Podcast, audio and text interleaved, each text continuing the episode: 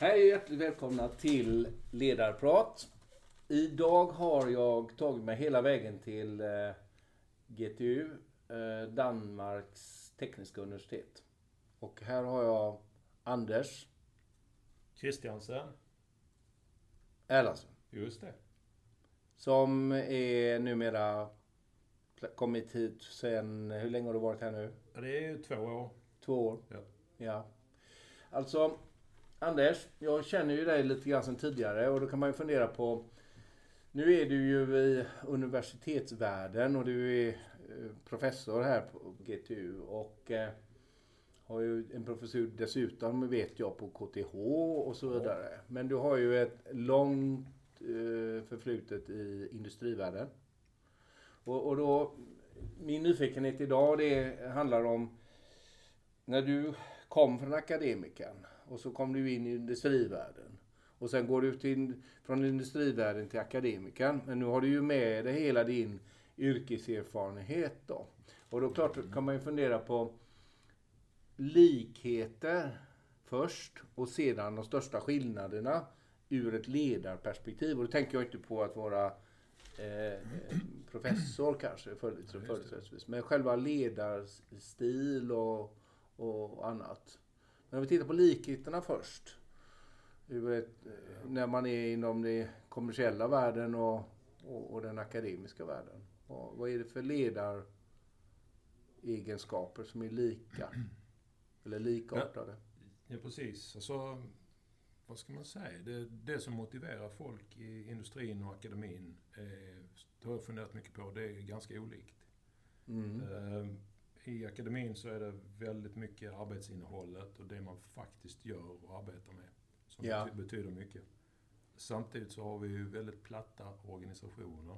Mm. Med, det är ju endast två led mellan mig och rektor till exempel. Överste chefen. Så. Så, och det är en stor skillnad från eh, det sätt som man normalt organiserar sig i industrin och på större verksamheter. Eh, Så Danmarks tekniska universitet har 5000 anställda och så är det bara två led till, till, Ja. till översta ledningen. Och det, det kan man tycka är rätt så märkligt och annorlunda. Och vad, hur speglar det sig då när man ska leda folk?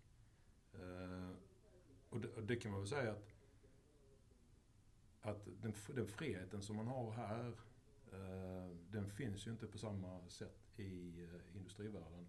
I industrin så är det ju ganska väl definierat vad som ska göras, varför och med vilka medel och sådär. Och den, den ramen finns inte på samma sätt i akademin, så den skapar man själv. Mm. Och det, det ställer ju stora krav på att man kan det.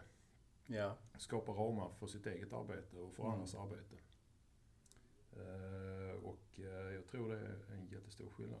Samtidigt så är det ju så att de som eh, jobbar här med forskning är väldigt individualistiska. Ja. Och det finns ett gammalt talesätt som heter mm, det är som att valla katter. Aha. Förklara.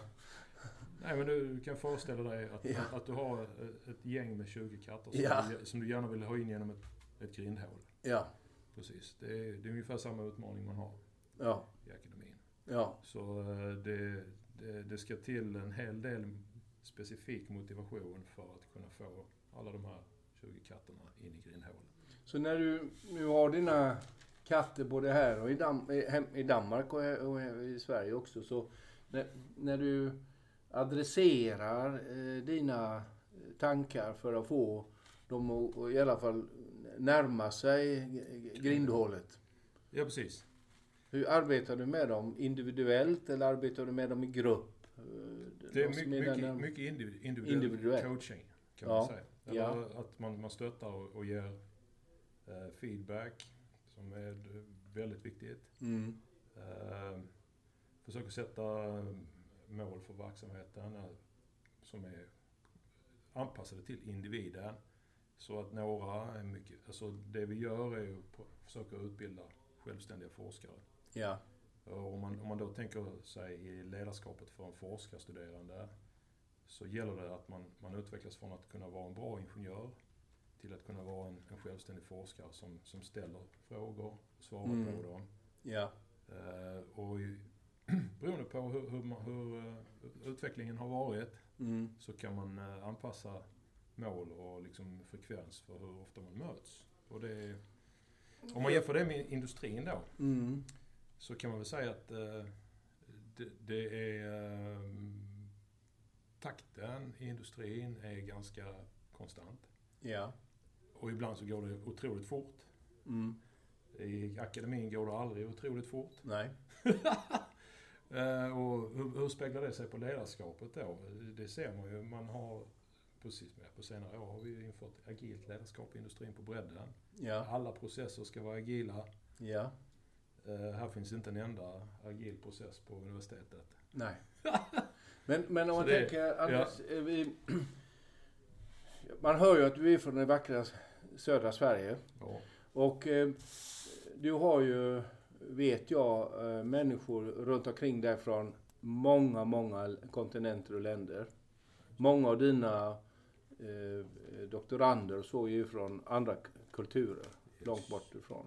Hur, hur eh, har man samma syn på sin forskargärning om du kommer, om du, vi, tar, vi tar stereotyper då. Jag är Ja. från Indien, jag är Ja. från Kina och jag är från Europa då. Om man tittar på det Ja, det. för dig då, att, att leda dem och coacha dem. Gör du på samma sätt eller har du eh, individuellt anpassat ur vad de har för bakgrund? Är, är, är man... Det måste ju vara väldigt spännande. Ja, ja precis. och det, det, det är ju faktiskt så att det är många stereotyper som uppkommer, eller har uppkommit Mm. över åren. De eh, får man ju prova och liksom se hur, hur Mm. ligger det faktiskt till. Alltså, Mm. För det är ju det är så att det är individer, de, de kommer med olika ambitioner och olika Mm. bagage, olika kunskapsnivå. Mm. Eh, Så det, det är, vad ska man säga, Ehm, kulturen i Kina, kinesiska studenter, är givetvis helt annorlunda än vad, än vad, än vad vi är vana vid. Ja.